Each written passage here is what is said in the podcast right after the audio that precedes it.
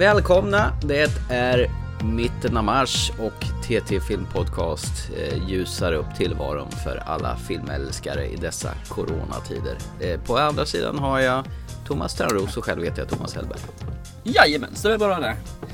Vi är tillbaka efter våran eh, rätt trevliga biospotting vi hade sist. Ja, som blev eh, lite konstigt i slutändan. Vi var iväg och såg på förhandsvisning på Spring Öje Spring av eh, Henrik Schyffert. Tack, av Henrik Schyffert. Och eh, vi slängde ihop ett program, släppte ut programmet och sen fick vi strax höra, ja vad fick vi höra? Ja, de har gjort en fin liten detalj här, så en liten Bond-variant. Det vill säga, den släpps senare. Fast den här gången vet man inte när. Ja, jag gick in på Filmstadens hemsida. Då stod det ju 28 augusti. Stod det. Jaha, precis när jag var inne och kollade stod det eh, datum är satt eller vi, man återkommer med när det blir aktuellt. Okej, okay. ja, 28 augusti, augusti såg jag i alla fall när jag tittade. Ja, men det är bra. Eh, så vi har gjort en riktig jädra förhandsvisning på den här filmen kan jag säga och ett försnack. Ja, det blev ju det. Men vad fasen. Hoppas att folk tyckte om den och kommer ihåg den så får vi lägga upp en repris då. Det blir ju fler filmer som följer samma öde. Eh, A Quiet Place 2 är också framskjutet till Ja, vi vet inte när. Den här Mulan som är Disneys, den är också framskjuten till ja, vi vet inte när. James Bond, den vet vi ju, den får vi i november. Och jag tror det var ytterligare ett par filmer. Fast and Furious 9, den är flyttad ett år fram i tiden. Den är inte färdiginspelad. Så att det händer mycket med det här med biografverksamheten just nu. Det måste bli tomt på bion snart ju. Ja. Ja, de har ju gjort, eh, satt in sådana här åtgärder att eh, man att det går inte att boka alla platserna i biosalong längre så att det blir typ varannan rad numera. Ja just det, det kan jag tänka mig klart. Mm. Ja, mm. ja, jag förstår varför. Ja, och eh, ja, vad gör de? Får de plocka ner postrarna på de här kommande filmer nu? Eller? Det blir inte så mycket ja. att välja på nu. Det är den här long shot, eller dead shot med Vin Diesel som finns. Det är, det är bara hans plansch på hela vägen nu nästan, om man kollar på Filmstaden. ja, jag vet inte vad jag ska säga faktiskt. Jag förstår eh, tanken, men det kommer ju bli gigantisk eh, konkurrens sen när alla filmerna som skulle släppas här i vår släpps i höst och alla filmer som släpps i höst släpps i höst. Ja. När fasen ska man ha tid att se allting? Ja, och den här New Mutant som nu äntligen skulle komma i mars. Gissa vad? Den är också framflyttad. Men det, den är ju liksom, det är ju tradition. Så ja, det... ja. Den har varit framflyttad sedan 2018 i tid och otid.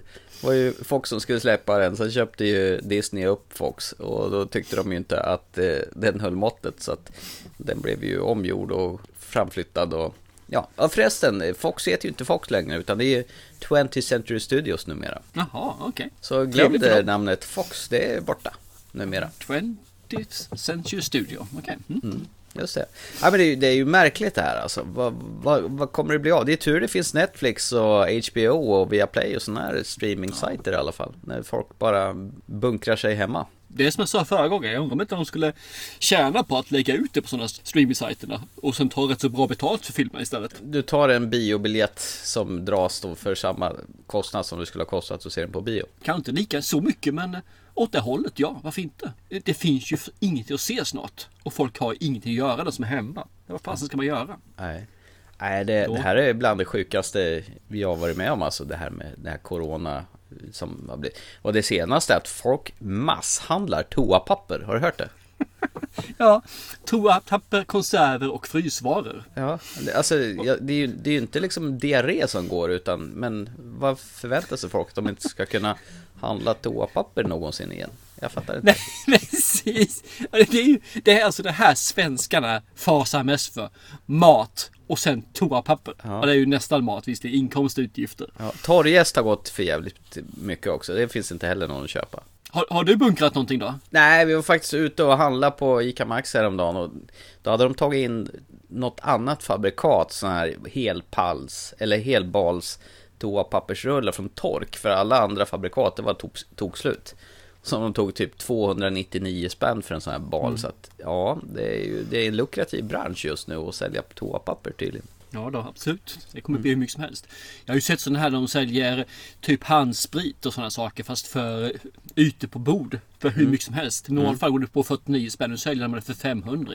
Jag vet inte vad jag ska säga. Jag, jag är ju inte... Själv är ju inte jag så rädd att få det här liksom. För mig är det ju som vilken influensa som helst. Det är ju de här som då är äldre, som är sjuka. Diabetes säger de och sådana saker kan då vara riktigt illa för. Så det är ju de som det här är illa för. Men själv så sitter jag liksom bara förstummad hur folk, folk hur de agerar. Det ska bli spännande att se hur länge det här kommer pågå och hur stor utsträckning den får. Det, det är fan ganska läskigt tycker jag, detta. Ja, det kan få stora konsekvenser på ekonomin tror jag. Det är det som är det Ja, värsta. ja, det är ju så. Det drabbar ju så mycket olika branscher detta. Mm, brett och de påverkar ju varandra sen. Det går nog ingen vidare för resebranscherna just nu. Det var ju Eh, tomt, nej. Det, det var to, tomt på Arlanda just nu, tydligen, i princip. Ja, det finns ju inga flygplan och de ställer ju in det själva. Det går inte att åka någonstans. Nej. Ja, men det är som det här som är, de hade intervjuat nu i några som var nere på Teneriffa och det var så synd om dem. Folk hade munskydd där nere och så hade de såna här gummihandskar. Man ville bara hem. Men vänta lite grann här. Åkte ni till Teneriffa när det är när de visste om att coronavirus fanns här liksom.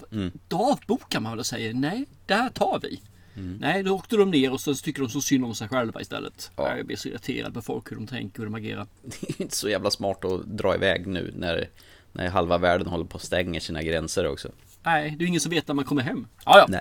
Men, ska vi prata om något som är lite roligare än eh, en influensavirus? Ja, det kan vi göra. Vi är ju faktiskt en filmpodcast. Det är bara helt omöjligt att inte harka in på ämnet. Det var ju biograferna vi började med, sen fortsatte det ju. Yes. Men eh, vi har fyra filmer idag, så vi, det är bäst vi sätter fart. Och första filmen är en uppföljare på en film som kom för en herrhiskligt massa år sedan. Jag vet ärligt talat inte riktigt när The Shining kom. Är det början av 80-talet någonstans? Måste det varit 81, 82 någonstans kanske? Ja, det måste vara någonstans där. Ja. Så ja, jag är faktiskt jättedålig på det. Vi, jag har inte kollat upp det ska jag erkänna. Nej. Men någonstans där är det. Men Stephen King fick för sig att skriva en uppföljare till The Shining som heter Doctor Sleep. Och nu har Mike Flanagan, eh, som har regisserat rätt mycket skräckfilm för Netflix, bland annat gjorde den fantastiska tv-serien The Haunting of Hill House. Ja, Fick, Och eh, Jareds Game också. Gerald's Game just, han har ju gjort Stephen King adaption tidigare. Och nu har turen kommit till Doctor Sleep. When I was a kid, there was a place. Tonight, Hello, Danny. don't miss the movie that has everyone talking. You're magic, like me. I was called it The Shining. The world is a dangerous place. These people, they hurt people like us. Well, hi there.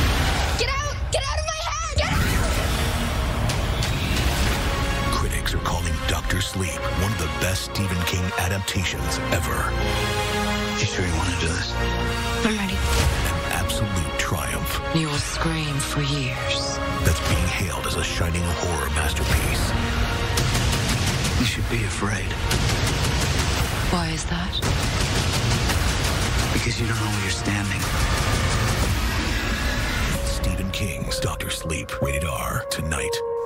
Hörru du, eh, Dr. Sleep ja. Tusan går man vidare och gör en fortsättning på en så ikonisk roman. Eh, Jag kan börja med först varför han tog den här boken och Mm. gjorde den. Och det är lite grann att eh, han var ju signerade böcker då var det verkligen en som ställde frågan. Vad hände med Danny egentligen efter The Shining? Mm. Efter att det här har gjort ner. Och han hade själv då funderat på det här. Hur, ja vad hände med Danny? Så att där föddes ju idén med att göra en uppföljare. Han gör nästan aldrig uppföljare annars. Nej. Det man kan säga är ju att eh, första boken handlar ju egentligen om, om man tittar rent beroendemässigt, alltså så är ju, det handlar om en som är alkoholist.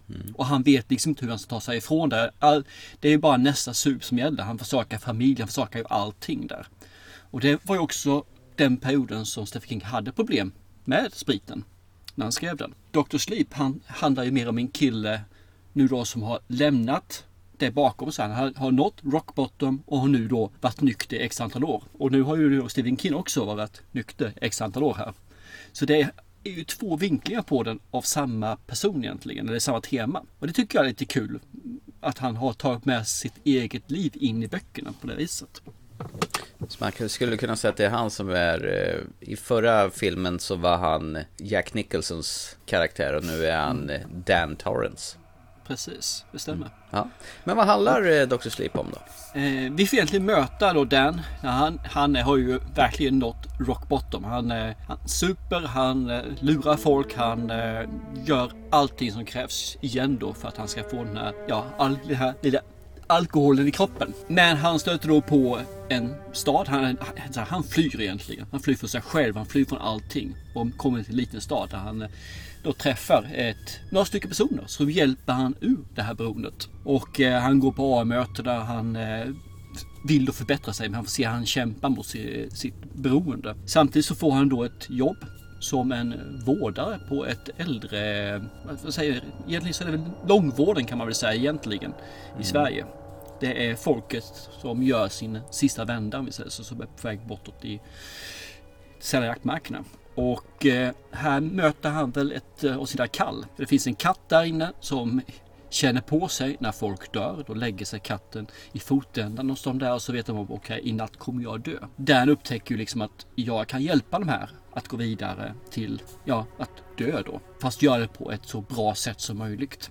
Så de är inte rädda. Så att det känns bra att lämna, lämna jordelivet. Så det blir ju hans kall. Samtidigt så när han kommer hem så kommer han hem till sin vägg som är ena väggen som är som en svarta tavla. Och där helt plötsligt står det en text där. Hello och en smiley face.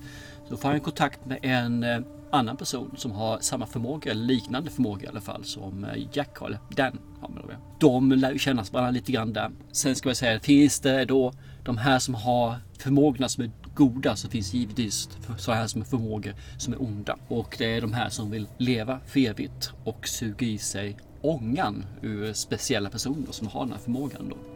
Var Knuten eller vad, heter de gruppen? Ja, the, the True Nut. The True Nuts, så var det. Och det är väl det här som premissen. De här har ju, känner ju av den här tjejen då som har... Hur jämför de? Jag jämför att hon är valen i Moby Dick. De vill, hon vill ha den här liksom för att det här finns så mycket ånga i den här personen som hon ska kunna leva i decennier bara på henne. Det är här filmen roterar runt. Ont, gott och vad ska man göra egentligen? Hur ska man använda sina krafter?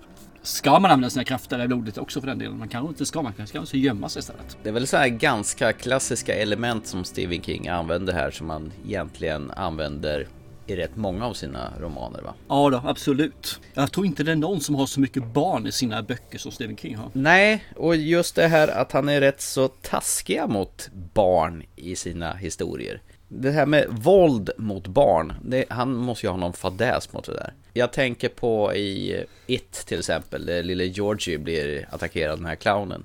Ganska brutalt sätt och det är mycket barn i överhuvudtaget, den här Losers Club.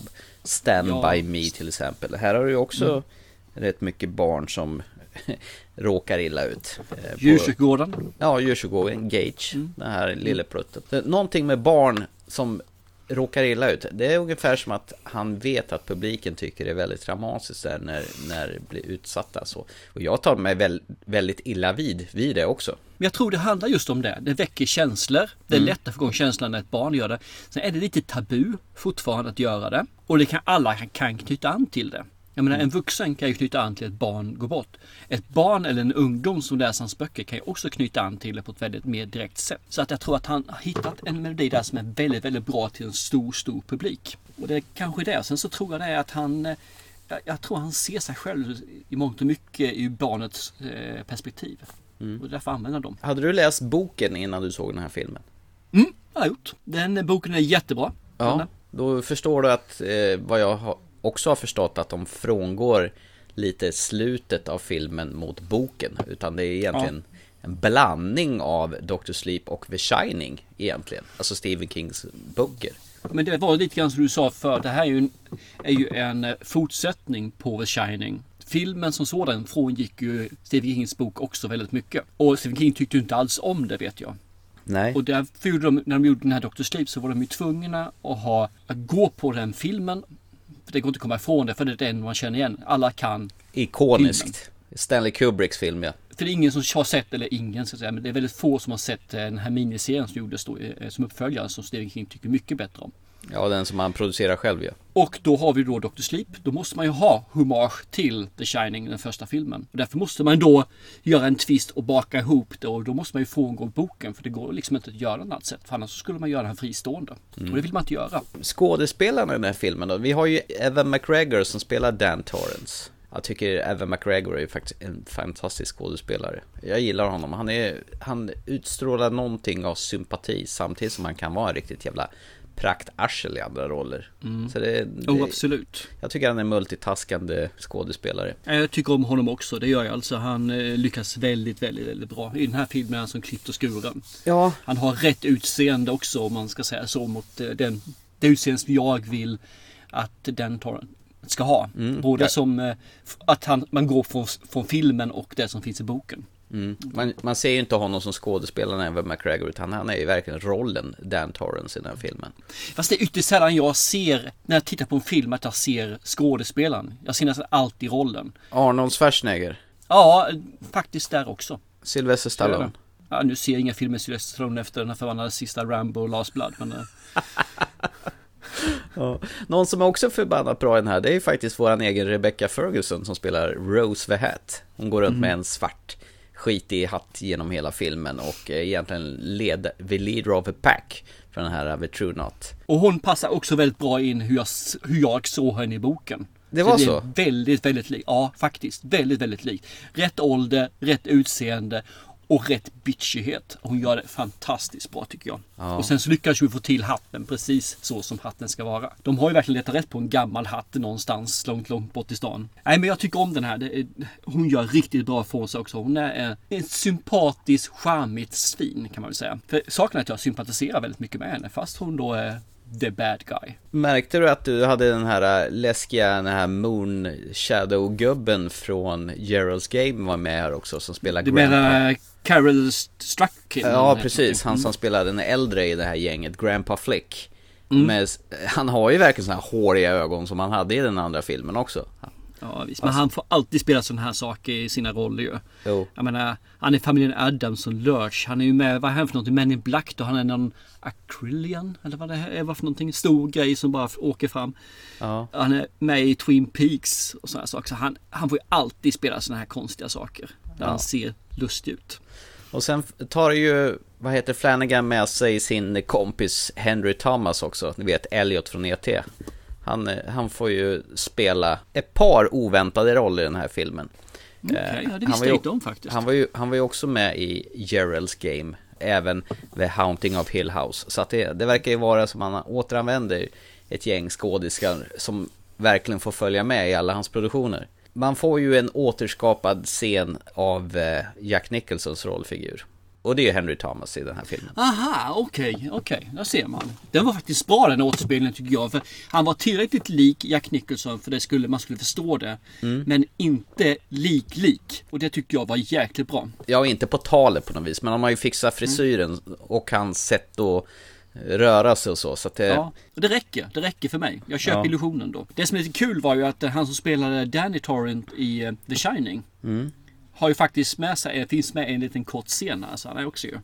Jaha. Så han är med i, jag tror det är någonstans i baseballscenen där de är han med i publik eller någonting. Han har en, en credit-scen där i alla fall. Så, att, eh, så jag tycker det är småkul att han fick vara med på ett hörn. Men Dannys mamma är ju skitlik Shelley Duvall från original The Ja. Shining. Där har vi verkligen hittat en skådespelare som är porträttlik. Ja, det har de gjort och hon är jättebra också faktiskt. Ja. Så att, eh, det hon får vara med. Det, det jag tänkte så här när jag slog igång, jag hade ju inte läst boken, så jag var ju något nyfiken på om man på något sätt ska återbesöka original The Shining i den här filmen. Och det gör man ju. Ja, det gör man ju. Absolut. Eh, I lite tillbakagluttar och annat också. Eh, jag tycker inte vi ska gå in så mycket mer på det, men, men är det inte lite fanservice för att verkligen peka på alla älskar ju The Shining och då måste man på något sätt väva in det även i den här. Men vad hade hänt om man inte hade tagit med hotellet någonstans? Du kommer inte ihåg vad hotellet hette för någonting. Det heter någonting. The Overlook Hotel. Overlock, tack. Mm. Om man inte hade tagit med det överhuvudtaget. Hade inte det blivit mer en fristående film då bara? Jo. För han ville ju göra det här som en, en, eh, en fortsättningsfilm ju. För Jo. boken är ju en fortsättningsbok. Att inte göra det, då blir det liksom en film som vilken som helst. Då går man inte miste om det lite grann då.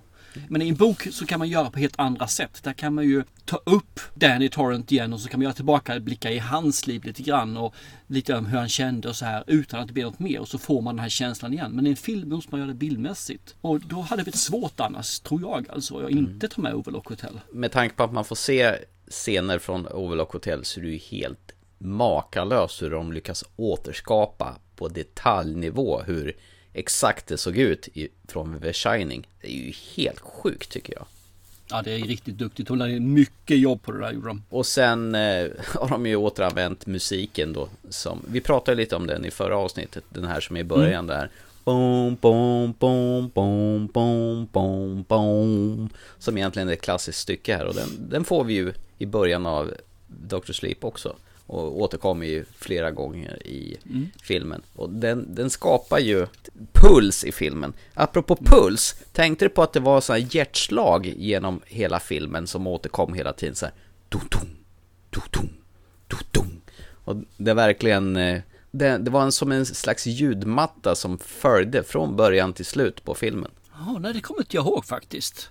Va? Men nej, men, nej det, det är ju, jag såg den för rätt länge sedan faktiskt ska jag erkänna. Jag, Jaha. så fort den kom såg jag den. Så det har jag, har jag nog inte lagt på minnet. Den, Men ja, egentligen, nej. det, det här är en slags vampyrfilm skulle jag vilja påstå att det är. Ja, men visst är det det. Jag, jag tänker lite så här Lost Boys fast eh, äldre, alltså inga tonåringar utan sådana som har hängt med genom årtiden och som livnärar sig på, på folk för, för att de själva ska överleva.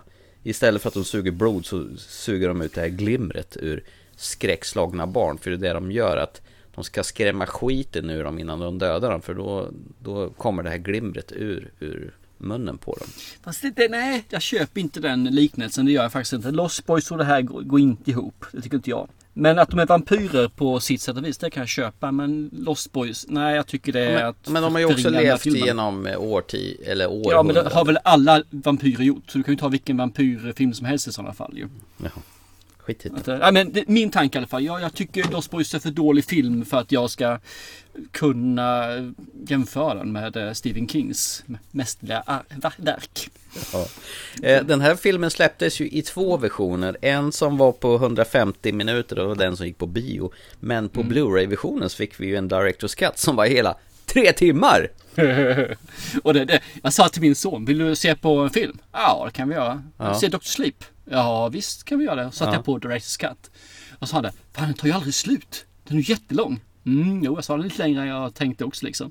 Han satt dock kvar och såg hela filmen. Fast vet du vad? Jag upplevde inte ändå filmen som lång. Utan jag blev inkastad direkt i, i filmen. Och de börjar ju ganska tacksamt och göra en liten åter ett återbesök på Overlock Hotel så man skulle sätta stämningen och, och man skulle förstå att det här är ju verkligen en uppföljare till The Shining. Jag var med på tåget från början, hela vägen in i mål. Och det, jag tyckte det aldrig blev tråkigt utan det var en jävligt gripande film. Däremot så tycker jag han har ju gjort som sagt en blandning av Kubricks film med Stephen Kings original. Och sen tar han in det i Dr. Sleep. Och jag, vad jag förstår när jag tittade på bakom-filmerna så verkar ju Stephen King rätt nöjd med det här. Det, det var han faktiskt. Men det är ju som Stephen King alltid säger liksom att han tycker ju inte om Stanley Kubricks. Men det är en jättefin invävd historia i Dr. Sleep. De hade ju väldigt mycket diskussion som de hade hur det här skulle göras. Ja, Och han var ju med på det till sist i alla fall. I slutet. han menar ju på att Kubricks film är ju som iskyla. Medan Kings The Shining är ju lite mer att det brinner istället för att det är iskallt.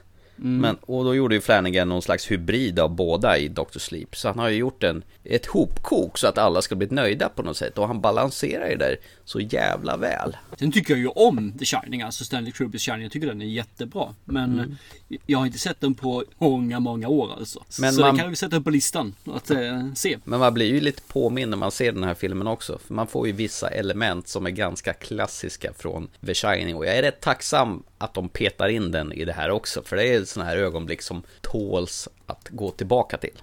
Är det lite småkul ju för Stående satt ju bredvid den. Och sen så är det ju en vad är det? 2.37, är det inte det som är rumsnumret? Jo. Och eh, när de går in där. Ja men det här känner jag igen. Ja, det gör du så jag. Vilken film då? Jag kan inte säga. Det är ju från Ready Player One. Ja, just det ja! Ah. Ja, men precis. Det är ju de här, dagens generation kommer ju tänka på det på grund av Ready Player One och inte The Shining. Nej, nej, de har inte sett The Shining än. Men om vi ska dra ner det till eh, slutkontentan då. Är det en lyckad uppföljare? Jag tycker det här är en jättelyckad uppföljare. Jag tycker den här är superbra. Det här sätter jag som en av de bättre filmatiseringar av Stephen Kings, Stephen Kings böcker. Det är lätt en av de bättre Det här är superbra. Alltså, nu är det svårt att säga det men för, för jag är ju en sucker. Jag tycker om Carrie. Så jag tycker om originalet. Jag tycker om Shining. Jag tycker om Djurkyrkogården. Jag tycker om det också. Men den här ligger där uppe alltså. Saken är att det här är ingen skräckfilm. Det finns inget horror i den här egentligen. Det är mer en äventyrsfilm tycker jag. Så att det är en drama, fantasy, äventyr. Det gör han fantastiskt bra. Det är, det är en superfilm från början till slut. Jag tycker slutet håller fruktansvärt bra också. Jag tycker den är faktiskt jävligt spännande också. Effekterna är helt okej också. En tät, riktigt jäkla smocka som med dessutom en originell historia. Det hade ju lika gärna kunnat bli rätt så återupprepande från The Shining, men här har han ju verkligen skrivit en helt annorlunda historia och sen lyckas de ju baka in de klassiska elementen så att det blir ju lite fanservice också förstås för att återknyta till originalet. Och de gör det på fruktansvärt bra sätt. De här tre timmarna flög iväg.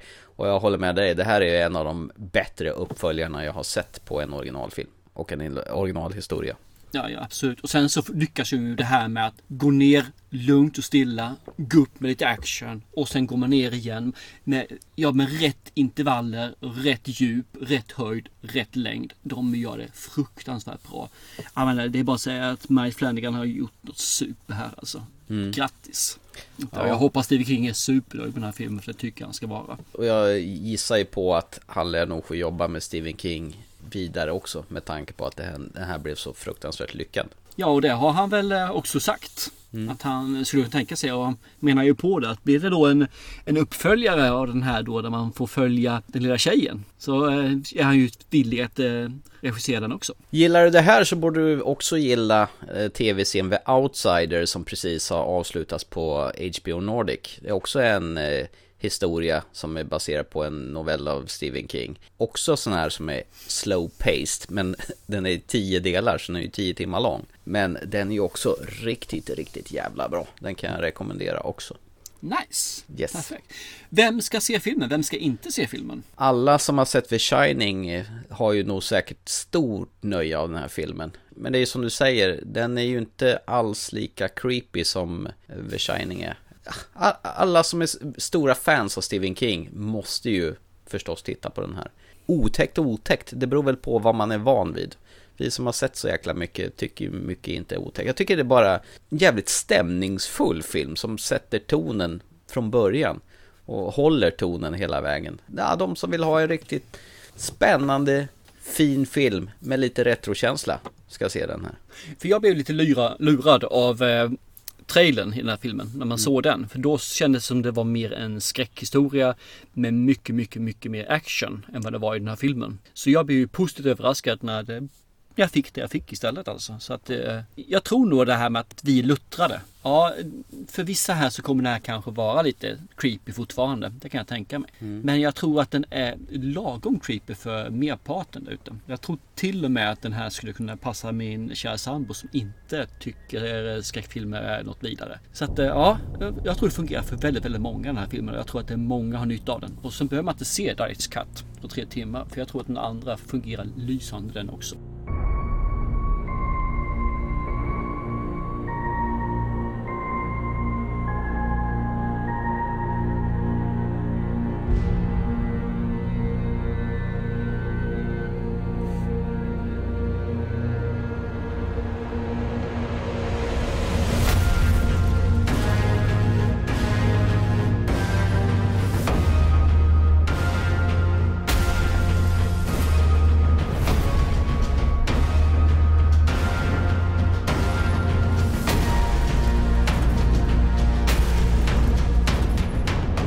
Jaha, ska vi gå vidare till en film som jag propsade på att vi skulle se då? I detta klimat, när man har Netflix nära till hands. Och vi vet ju alla hur det brukar vara när du propsar om filmer. Det här ska du se. Då brukar du ju...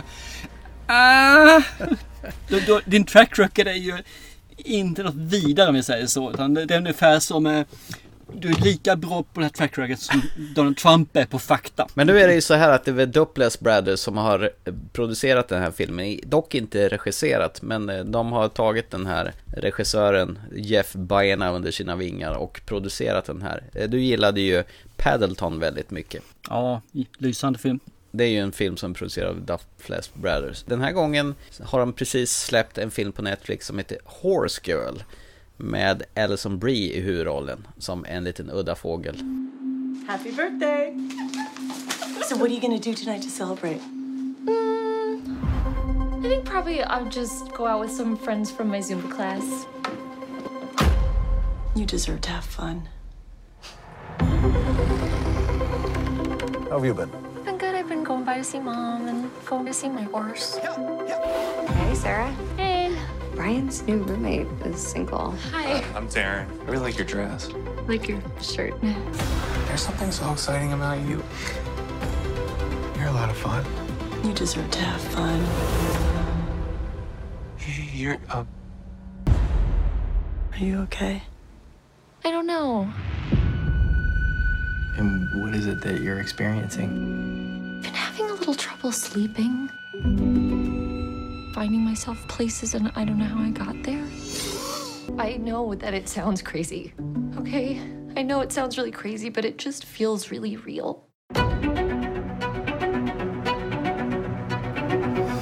Eh, ska vi dra storyn på den? Mm. Horse Girl. Vi, vi möter då Sarah. Som är väl en ganska socialt missanpassad person får man säga egentligen. Alltså hon, hon är ganska... Hon får inte kontakt med folk. Hon eh, fungerar inte riktigt bra med folk heller. Hon är, man säger, lite grann off i sitt beteende. Men verkar vara en jättesnäll tjej som verkligen älskar sin häst. Och jobbar i en tygbutik. Jobbar i en tygbutik och verkar vara lycklig med det om vi säger så. Sen börjar det hända lite konstigheter. Helt plötsligt så när hon somnar så vaknar hon inte på samma ställe.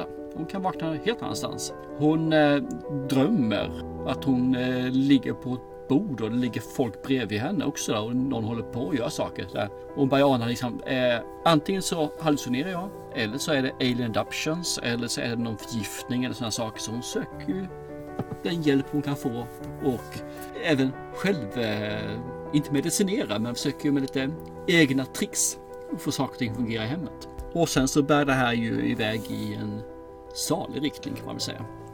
Kan man ju lugnt säga. Och omvärlden tror väl i princip att hon är bara är knäpp. Yes. Det här är ju också en lågmäld film som börjar i ett lugnt tempo. Hon är ju rätt charmig tycker jag, hon Sarah. Storögd och eh, egentligen bara vill väl från början. Hon har ju rätt så mycket egna idéer hur saker ska vara. Hon bor väl tillsammans. Hon har väl en rums, rumskompis som verkar tycka väldigt bra om henne. Och tycker att hon borde gå ut och dejta också. Så hon drar, drar väl dit sin killes kompis för att de ska gå på någon slags dubbeldejt. Och de får väl till början en bra, ganska bra kontakt också. Ja, precis. De hittar väl varandra ganska snabbt där. Sen som sagt så börjar ju hon tappa tid och så. Dyka upp på andra ställen där hon inte minns det. Saken är det att hennes eh, mormor har väl egentligen haft lite samma symptom som hon haft. Och till slut så blev hon klassad som psykiskt sjuk egentligen. Och hon är väl ganska rädd att hon ska hamna där också. Ja, den här filmen är ju svår att prata om tycker jag utan att man ger iväg någonting. Eh, Så det får bli återigen tycker jag att man vi får se vad vi upplevde, hur eh, vi såg på filmen. Och det jag kan säga om filmen är ju att den börjar ju jättemysigt. Mm. Nu får jag säga det, jag tycker om henne som karaktär. Jag tycker om det här småtjabbet som hon har med sin eh, kollega på jobbet. Eh, Det här, ska man säga, inte problemen, men det här med hennes rumskompis och hennes kille.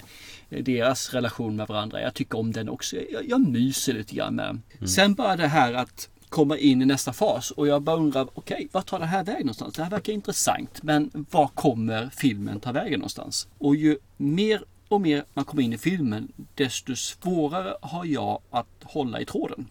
Vad är det egentligen som händer? Varför? När? Hur? Va? Okej. Ju längre det går desto svårare får jag att få rädsla på saker och ting. Detta till trots så tycker jag ju fortfarande om karaktären. Jag tycker om henne. Hon är helt fantastisk. Hon, hon förstår ju liksom att ja men det här går inte. Men det är så här det är. Men det låter inte vettigt. Men jag måste lösa det då typ. Och hur svårt jag har än att följa med filmen så tycker jag fortfarande det här är bra. Alltså jag, jag, jag, går, jag går vidare med en gång och talar om det. Jag tycker det här är riktigt bra. Men jag fattar inte hur de ska få ihop det någon gång i filmen. Den, den är jättesvår att eh, få grepp om. Men kan man släppa tyglarna tror jag att då kan man nog tycka det här är rätt så nice i alla fall. släppa tyglarna. På hästen. ja, ja. Själv då? Nu har jag orerat här och sagt i stort sett allt jag tyckte om filmen. Men vad säger du? Jo, men alltså det jag ändå tycker är rätt så intressant. Trots att hon upplevs att vara ganska knäpp så är ju de personerna runt omkring henne ganska omhändertagande ändå. Och inte bara avfärda henne som psykiskt sjuk, utan folk verkligen lyssnar ju på henne runt omkring. Det blir ju en nedåtgående spiral för henne med sättet hur hon tappar det så att säga. Och det är ju en, jag tycker det är lite jobbigt att se den här söta mysiga tjejen spåra på det här viset. Och alltså skådespelerskan, eh, Alison Brie, hon gör ju för fan en mästerlig roll. Jag vet inte om jag sett henne någonstans tidigare förut. Hennes stora, runda, blåa ögon som verkligen skriker desperation och det här hjälp mig. Jag vet inte vad jag ska göra nu. Jag, jag mår inte bra. Snacka om hon övertygar i den här rollen. Och det som du säger, man, man vet fan inte vart det här ska ta vägen. Men jag fick lite de här vibbarna, du vet den här filmen som du tyckte vi skulle se. Det var också en Duplass Brothers film, den här Safety Not Guaranteed. Den bygger mm. lite på samma tema om den den killen som jobbar, det är ju det är Mark Duplass som jobbar i den här livsmedelsbutiken och staplar konservburkar. Han är ju lite åt samma håll på det här viset. Fast han har ju lite andra idéer om man säger så. Eh, men eh, de, de, de pekar lite åt samma håll de här två filmerna. Jag tror jag förstår lite grann. Det är nog mer känslan va? Mm. Än vad det är egentligen själva filmen. Men jag mm. tror jag förstår vad du är ute efter och jag kan eh, köpa det i stor utsträckning, ja. Det var en om, omtumlande film. Eh, och jag tycker den har alldeles exakt rätt spellängd. Den hade inte behövt vara längre och inte kortare heller utan den här filmen gör den vad den ska och när filmen är slut så ja, det är väl klart det ska sluta så här. Det är inget att snacka om. Jag trodde den skulle sluta på annat sätt, det ska jag vilja erkänna. Du gjorde det? Ja, det trodde jag. Eh, jag var ganska övertygad om att den skulle dra iväg på ett helt annat sätt än vad den gjorde där. Eh, dock inte säga att det eh, var dåligt. Jag säger bara att jag, hade bilden inställd på ett helt annat slut. Då blev det lite surprise för dig då? Ja, kan man säga. Men det här är en svår film. Jag tror att det är svårt för folk att se den. De här som vill ha en rak film som berättar en historia från A till Ö och däremellan så är det B, C, D, E, E och så vidare. De kommer jättesvårt för den här filmen. Mm. För den är inte rak. Den är väldigt eh, krokig, slingrig, hoppa uppåt, neråt och ibland så är det en annan film får jag säga. Klarar man inte av att följa med och anpassa sig så kommer man ha jättesvårt för den här filmen. Mm. Och därför tror jag nog att du, du ska tycka om en viss typ av film. Där du måste just släppa, bara se för vad filmen är här och nu. Och sen så får du kanske köpa vissa saker kanske, ja, du inte får förklarat nu. Men du kanske får det förklarat senare. Och vissa saker är kanske att du får väldigt alert. Du kan inte sova i den här filmen för saker händer som förklarar andra saker. Och de är inte övertydliga med det. Och det tycker jag är jävligt nice. Att de inte skriver det mitt framför rutan på det. Ja nu, kolla här. Det här hände ju för fem minuter sedan. Så Skönt, mm. jätteskönt. De idiotförklarar inte tittaren. Nej men jag får säga att din track record har ju blivit mycket, mycket bättre nu helt plötsligt procentuellt. Ja men det var ju bra. Ja. Vad skönt. Ja.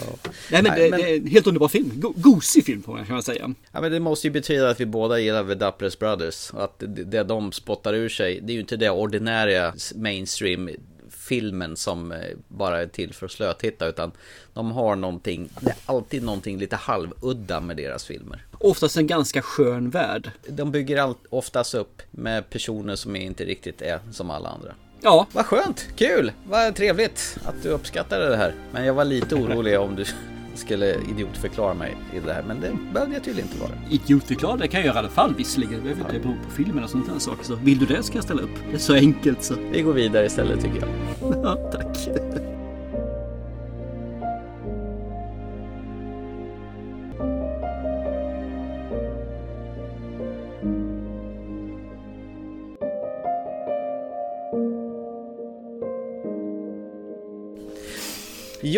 Då går vi vidare till den nyss släppta filmen på Blu-ray DVD och vad den här filmen såg du i somras på bio men eh, jag missade den. Så att den då tänker jag mig att det blir en kanske en återtitt för dig och det blir en titt för mig för första gången. När så här tio år senare så får man återigen eh, återbekanta Woody Harrison, Jess Eisenberg, Emma Stone och den här lilla tjejen som har blivit större som jag inte kan namnet på i Zombieland Double Tap. Welcome to Zombieland. I think I would have made a damn fine president. You would have brought a real dignity to the office. You're welcome, America. Oh my god, I'm so sorry. Hi, I'm Columbus. Madison. This is Tallahassee. Hey, Poplar. Is this your dad? Can I see? Oh, man, is so tiny. Tiny, big, tiny. She is adorable. My sister is gone. She picked up a boy. He's from Berkeley. Berkeley. Boom. Yeah. Yeah! We're gonna go get her. We ride it, Dawn. Start talking. You first. Oh, my name's Tallahassee. They're much more afraid of us than we are of them. You'll be the first to die, but I like your enthusiasm. You might die. Thank you for your sacrifice. Zombieland Double Tap in theaters October 18th. Ja, när vi återvänder till Zombieland så har det väl hänt inte så jävla mycket egentligen. Gänget hänger ihop. Eh, Jesse Eisenberg och Emma Stone är väl ett par och Jesse Eisenberg är ju ganska sugen på att gänga sig med henne i brist på andra. Eh, men det skrämmer väl snarare bort henne. Och eh, hon Little Rock som du sa känner sig lite väl övervakad så hon drar. Emma Stones rollfigur får dra med henne för att hålla koll på henne. Kvar blir Woody Harrison och Jesse Eisenberg. Och undrar, mm vad fan gör vi nu? Det som jag tycker är jätteskönt med den här filmen, eh, det är ju egentligen det att man kastas tillbaka i den här världen ganska på en gång med de här skyltarna, med de här reglerna som var, har funnits tidigare. Always double tap, då har ju filmens titel och safety belts, säkerhetsbälten är viktigt att ha på sig och sådana här saker.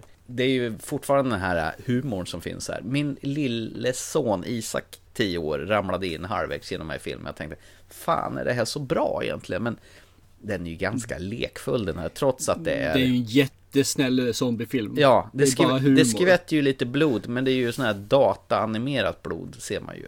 Det är ju inget verkligt blod överhuvudtaget, utan det är sån här pålagt i efterhand. Ja. Men det kanske var i förra filmen också. Troligtvis ja. Ja. Det var lika fint där. Jag har sett den för inte allt för länge sedan och jag har för mig att det var likadant där. Och jag blir lika irriterad på Jesse Eisenberg den här som jag blev förra gången. Hans neurotiska, vidriga... Nu sjönk han igen som en sten efter den här fantastiska eh, filmen om när de skulle dra nätverkskabel. Hummingbird Project. Ja, gud vad bra den var. Men däremot så gillar ju Woody Harrelsons rollfigur. Han är ju så jävla skön alltså. Saken är den att när jag såg den här filmen Mm. så känner jag fortfarande, ska jag erkänna, att det har gått tio år. Ja. Och det, för det har gått tio år i filmen också när man, när man plockar upp så är det tio år alltså. Mm. Det är, jag tror det är svårt att köra scavenging efter tio år. Det finns fasen ta mig ingen mat att scavengera efter det. Nej. Alla konserver är borta, allting sånt där. Det ska inte finnas någonting. Och det, det tycker jag är lite synd att man då inte har utvecklat världen efter tio år. Utan det är samma värld som det var för tio år sedan. Mm. Och skulle man då göra det här, men strunta att göra det tio år. Gör det ett år då så hade det varit lite enklare för mig att köpa det. Men nu var det tio år framåt. Och jag, jag blir irriterad när man gör sådana här saker. Och sen så, men de som har utvecklats däremot, det är ju zombierna. Ja, det finns det. en massa olika typer av zombier förutom den- den här jävla Terminator-zombien. Som ska vara hur svår som helst att döda som de sen dödar på löpande band. Utan problem. Mm, jag, jag, jag blir irriterad på de sakerna. Annars är det ju samma film som ettan. De har ju inte gjort eh, någonting där. Så det är ju ettan in en gång till. Ja, istället för att de är på ett nöjesfält i slutet och så är de ju på någon sån här, eh, vad heter det? Hip, Hippieställe. Hippieställe, Babylon eller någonting. Men det här är ju, det var ju som du nämnde sist när vi pratade om det här, att det här känns ju som de har samlat gänget bara för att de trivdes tillsammans och göra det för att de ska få ha lite kul tillsammans. Mm. För det är, det är jävligt lättsamt och avslappnat. Och, Mycket, det får man säga. Och sen eh, tar de in den här blonda tjejen som är ju kork, mer korkad än någon annan. Ja, hur fasen har hon överlevt i tio år? Ja, för hon har bott i en frys. Ja, precis. Och hur har hon fått tag... Mm. Jag blir så trött på att de inte gör ihop på annat sätt. De skulle bara gjort det ett, ett år istället eller något sånt där. Så mm. sådana här idioter hade kunnat överleva och det fortfarande fanns mat överflöd och man bara visste om man skulle leta, leta någonstans. Och sen när börjar man spy när man blir zombies? Var det så i den gamla filmen också? Att de kräktes innan de förvandlades? Oj du, det kommer jag banne mig inte ihåg. Nej, de spyr gult innan de förvandlas. Ja men det finns en del sköna grejer i den här filmen. Mm. Jag säger bara det att eh, vill du se den här så se om ettan istället för den är mer spontan, mer lekfull än vad den här är faktiskt. Här har de ju etablerat karaktärerna men det är ju det är som du säger, det är ju samma sak en gång till. Ja. Eh, det som var lite så här, jag hade ju hört talas om att Bill Murray skulle vara med i den här och det, det, det fattar ju liksom inte för att han blev ju av misstag tagen för en zombie och blev mördad. Han spelar ju sig själv i förra filmen. Yes. Jag tror han är med och producerar de här filmen nämligen, så det är väl därför gissar jag på. Men han, ja, får, ja. han får ju lite tid i slutet den här filmen också, om man väntar till ja, eftertexterna. Lite post credit scen där. Ja, och det roliga är att de drar ju upp både eh, Ghostbusters och Groundhog Day i den scenen. I'm no afraid for no ghost och uh, I hate Mondays. Mm ja. Vil vilket gjorde att i och med att jag och min lillson, han satt ju med hela vägen och tyckte det här var ju jätteroligt. Och så, mm. så pratade jag med honom att det där var ju blinkningar till både Ghostbusters och Måndag hela veckan. Vad är Måndag hela veckan? Ja, det är, det är han spelar en vädergubbe som ska åka till en liten stad och kolla på ett murveldjur och eh, beroende på om vintern ska komma eller inte, eller om det ska bli vår. Och sen upp, han uppleva samma måndag varje dag. Det låter jättekul, den vill jag se, sa han då. Så det blev ju att vi Aha. fick titta på måndag hela veckan efter vi hade sett klart den här. Kul! Ja, och han tyckte den var jättebra.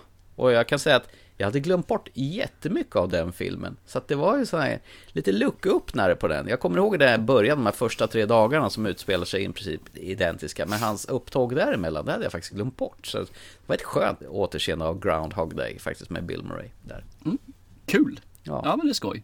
Då gav det ju något positivt med sig. Ja absolut. Nej men det här var väl en lättglömd bagatell. Den var ju trevlig för stunden men sen den försvann ganska fort från radarn efter jag hade stängt av den. Så att... Ganska kvickt ja. Ja och det, som sagt det som gjorde att det här var behållning det är att vi slog på måndag hela veckan då efter. Okej. Okay. Ja ja men grattis då. Ja. Alltid något. Fast jag gillar ju att se Emma Stone i alla fall. Hon är en riktigt god skådespelare tycker ja, jag också. Verkligen. Hon är duktig. Vad hon Mycket än duktig. gör så är hon ju superduktig. Ja, det är hon absolut. Jag såg faktiskt på Netflix nu att The Birdman ligger ute där också, så den har jag funderat på att trycka på någon gång. Med Michael Keaton? Yes. Den som ska vara filmad så det ska se ut som en enda lång tagning. Mm, den med ja, ja. exakt. Nej men jag, jag vad ska jag säga? Det, det, en eh, blaha blaha film som mm. kan vara gott att sätta på. En popcornrulle utan dess like vi säger så. Ja. Tycker man om zombie rullar, tycker man om komedi. Ja men då går den här hem tror jag absolut. Men jag håller mig fast fortfarande. Väljer du mellan den här och ettan, tryck på ettan istället. Även om du sett ettan för några år sedan så är den här, då tycker jag ettan i alla fall fortfarande. Mm. Du kommer ha mer nytta av den. Och den är ju inte läskig för fem öre. För min, som sagt, lillson tio år kom in och tyckte att det här var ju inget otäckt. Ja, fast det var ju inte ettan heller läskig. Så Nej. det behöver man ju inte. Och kom ihåg Always Double Tap.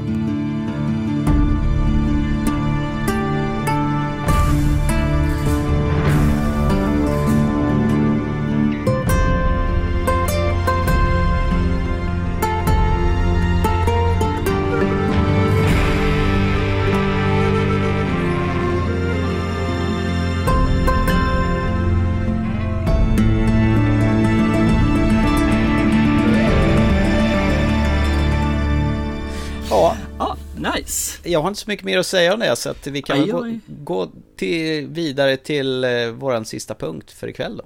Yes, och det är vad då? Det är Återtiteln. Filmer som vi ser från förr, fast nu med äldre ögon. Eh, Det var ju programpunkten som vi lanserade för ett par program sedan då vi då pratade om eh, Nyckeln till frihet som eh, jag då bara hade sett en gång. Och den här gången är det en film som jag valde ut som också bara hade sett en gång. Så det här var ju faktiskt, skulle bli jättespännande att se Joel och Ethan Coens film med Jeff Bridges som spelar The Dude i filmen The Big Lebowski. Dude here. The dude's been hired to deliver a million dollar ransom. Your life is in your hands, dude. And now he's lost it. You got any leads? Leads. Jeff Bridges. Life goes on, man. Ow! John Goodman. Has the whole world gone crazy? Julianne Moore. From the creators of Fargo. Where's the money, Lebowski? The Big Lebowski. It's down there somewhere. Let me take another look. Rated R. Opens Friday at theaters everywhere. Hade du sett den här tidigare på nära tid eller var det aslänge sedan du såg den? Nej, jag har ju faktiskt sett det här med barnen. Jag tror till och med jag hade den som en pappa-son-film om vi går tillbaka lite grann. Hoppla, det har jag förträngt i så fall. Ja, precis. Ja. Så att nej men eh, det har jag sett för inte allt för länge sedan och den gick ju hem då. Så att eh, jag tycker den här, den- har, den har åldrats. Jag ska inte säga något annat än så. Det är ju inte alls samma eh, färska humor men eh, ja, Nej. den fanns där. Jag, jag kan dra lite kort i alla fall. Det handlar alltså Jeff Lebowski, eller han kallar ju sig själv The Dude, The Dudiness eller någonting sånt. Och han eh, blir misstagen för att vara miljonären med samma namn då. Och eh, de kommer hem och pissar på hans matta. Så han blir ju skitsur. Så det är egentligen, det är väl det han vill ha tillbaka. Och så tycker väl han att han kan åka bort till den här superrika miljonären då som eh, Eh, han har blivit misstagen till och eh, vill ha ersättning för den mattan då. Då, då visar det sig att eh, den här miljonären har en fru som är 100 år yngre än vad han är. En liten blond tjej som har blivit kidnappad. Han ska agera något som någon slags kurir där och, och lämna över en, en väska med pengar till kidnapparna då. För att, de, för att gubben ska få tillbaka sin fru då. Men det här är ju inte så enkelt, speciellt som när Jeff Bridges The Dude har en kompis med väldigt bipolärt humör. Eh, han har verkligen problem med humöret som spelas av John Goodman som heter Walter Showback. Eh, som allting som sker som händer tillsammans med The Dude går åt helvete. Och sen roar de sig på fritiden genom att gå och bovla också. Och det egentligen är en klassisk förvecklingskomedi med en liten mystery detektivhistoria insprängt i det hela. Det, skulle det kunna vara en rätt beskrivning? Ja, det tycker jag väl. Absolut. Ja. Jag köper det. Och sen är det ju väldigt färgstarka karaktärer i den här filmen. Rakt igenom. Steve Buscemi är med. Julianne Moore är med. Och Philip Seymour Hoffman hade jag faktiskt glömt bort att han var med. När jag såg den första gången så måste jag erkänna att då då var den som bäst. Ja. Så att när jag såg den med barnen så var den fortfarande bra, det är inte mer med det. Och det, den, den är inte dålig nu heller men den, den har fått lite törnar, så jag inte säga det alltså. Det tycker du? du? Ja, tycker du den är lika bra som du såg, som du kommer ihåg den? När du I- såg den då på, ja, när såg du den här? 90-talet? Filmen eh, är ju från 1998. Mm, och jag kanske såg såg då, den 99 eller 2000 när Mm. den kom ut på VHS. Eh, så att det är ju i alla fall ja, 20 år sedan jag såg den här filmen. Jag hade ju, det jag kom ihåg då från så här i efterhand, det är att eh, John Turturro eh, spelar ju den här slemmiga bowlaren Jesus. Som slick, Mhm. slickar på bowlingklotet och är jävligt ful i munnen. och sen kommer jag ihåg att The Dude dricker en jävla massa White Russian. Det är väl egentligen den enda han, drink han dricker. Vodka, Kahlua, mjölk. Det är väl egentligen vad det är.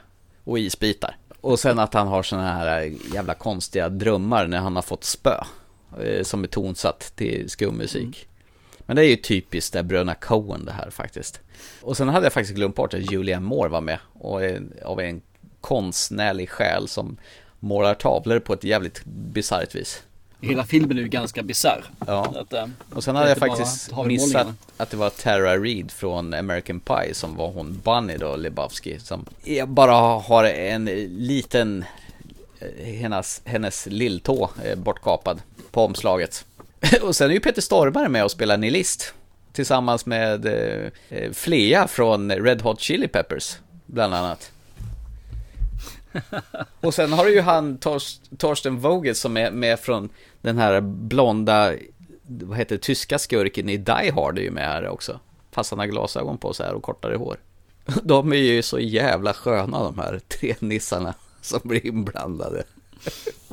Men gå tillbaka, är det här är det en film som du skulle se att eh, folk såg för första gången idag, fast Ja. du då är 20 år gammal? Skulle den hålla fortfarande? Skulle folk tycka om den? Jag tycker den är asbra. Ja, men in, inte du, glöm bort dig själv i det här fallet nu. Jaha. En ny tittare. Ja, ja, a- absolut. Ja, men, säg, ja, säg, säg att en på jobbet som inte har sett den. En, eh, ja, en av de yngre, 25, 8, någonting, 28 år någonting. Mm. Skulle, de- skulle det funka för dem där tror du? Lätt! Med Ja. tanke på att det är så färgstarka karaktärer och det är en sån jävligt välskriven historia och det är så mycket sköna vändningar i den här filmen. Och det är så mycket som går åt helvete. Jag är lite svag för karaktärer som det går åt helvete för. Jag tänk bara den här After Hours, En natt i New York med Griffin Dunn, när han ska ut och dejta. Yes. Det är också en sån typ av film. Eh, Jag är svag för det här. Och det är ju en sån skön förväxlingskomedi. Och just det här att han lägger lite pussel efterhand och försöker lura ut själv hur, hur det hade gått. Och han är så jävla hopplös, the dude. Han är så en riktig slacker så, så det finns inte. Men jag älskar ju att hänga med honom och sen John Goodman som han, han blir arg på vissa fall och sen Steve Buscemi som är bara den här killen som, som de skriker åt hela tiden. Eller åtminstone ju vad Walter gör det. Hans eh, Vietnam-veteran där. Nej men vilket galleri av sjuka människor det är i den här filmen. Det är ju helt underbart. Jag njöt till fullo. Jag, jag hade, jag hade liksom glömt bort hälften av de här grejerna. Vissa grejer satt ju fast. Och eh, andra grejer, ja visst ja, så här var det ja. Och jag skulle lätt rekommendera till alla som vill ha en riktig skön, härlig komedi. Det här är mycket bättre än bra mycket skit som produceras idag. Jag håller med. Och jag kan ju säga det att mina barn när de såg den här som sagt så tyckte de det här också var en riktigt rolig film. Så, så jag håller med dig där. Det här, det här håller, den här filmen håller väldigt bra fortfarande att se. Och ser man för första gången så tror jag den är mer stimulerande för mig som såg den nu för tredje gången. Mm, ja, förlåt. Att, eh, mm. Nej men det är lugnt sådär. Och det, den var helt okej va. Men alltså, det jag säger den har degraderat lite grann. Och jag tror att det är lite grann vem man ser den med också om man säger så. Eftersom Jag har Mm. sett den då. Så, ser den tillsammans med någon tror jag det här är en bättre film. I alla fall för mig som gör en omtitt då. Mm. Jag tror väl att jag, när jag såg den första gången så var jag nog alldeles för ung och kanske inte uppskattade den här typen av humor som, som jag gör idag. Utan det här var ju, alltså känslan, stilen, alltihopa, välskriven dialog. Väldigt dialogdriven komedi det här faktiskt. Eh, och just det här att det är så skruvade karaktärer. Nej, jag är, jag är helt såld på det här. Alltså, det här var ju en fantastisk film. Den blev bara bättre. Så att den här filmen funkade bättre på mig med äldre ögon. Så att återtiteln gjorde sitt den här gången för mig. Trevligt, trevligt, kul. Jag känner mig ganska nöjd med eh, The Big Lebowski också nu här. Så att eh, jag rekommenderar alla som inte har sett den att se den. Och de som inte har sett den på länge, se om den för tusan. Det här är ju smaskens. Det är det. Eh, och till nästa gång så har ju du eh, fått ett uppdrag som du fick av mig förra gången. Den skyldige! Ja, för fan! Danska fina filmen om den lilla polisen som får sitta på SOS Alarm i Danmark för helvete. Ja. Vi lämnar danskarna till danskarna tror jag. De har ju faktiskt stängt gränserna till Danmark så där får man inte komma in ens längre. Det är många länder som har stängt gränserna nu så att Mm, exakt. vi får se vad som händer. Ja. Så att eh, den här filmen är ditt uppdrag till nästa gång då. Ska bli intressant och kul. Mm. Ska vi summera vad vi har sett idag? Dr. Sleep från 2019, en adaption av, från Stephen Kings eh, Tegelsten eh, till roman. Eh, var den värd att se eller inte? Helt klart värd att se. Den är Mm. jättevärd att se. Horse Girl, eh, The Duplass Brothers producerade film från 2020. Purfärsk så du förslår. Värd att se eller inte? Tveeggad. Den är värd att se om du eh, tycker om eh, icke-linjära filmer. Vill du ha en rak story, skydd den här smällen. Och Sample and Double Tap var väl en eh, trevlig bagatell som man skakar av sig ungefär när man har tryckt på stoppknappen. Typ. En intetsägande film som ettan gör mer intryck än tvåan. Ja. Och till slut för Big Lebowski som var våran återtitel den här gången. Det var en fin smällkaramell som, eh, ja, i alla fall landade i god jord hos mig. Och det lät som det gjorde hos dig också. Ja då, absolut. Det gör det. Det är en fin återtidsfilm. Ha, har du någonting mer att säga? Eller ska vi eh, signa av för ikväll? Jag tycker vi kan signa av för min sida här så jag har ingenting mer att säga. Jag är ganska nöjd med vad vi har uträttat under dagen här. Eh, tills nästa gång. Ja. Se en bra film som du brukar säga. Ja, för det tänker vi göra. Så hörs vi om yes. ett par veckor igen. Absolut. Chip chip. Hej då.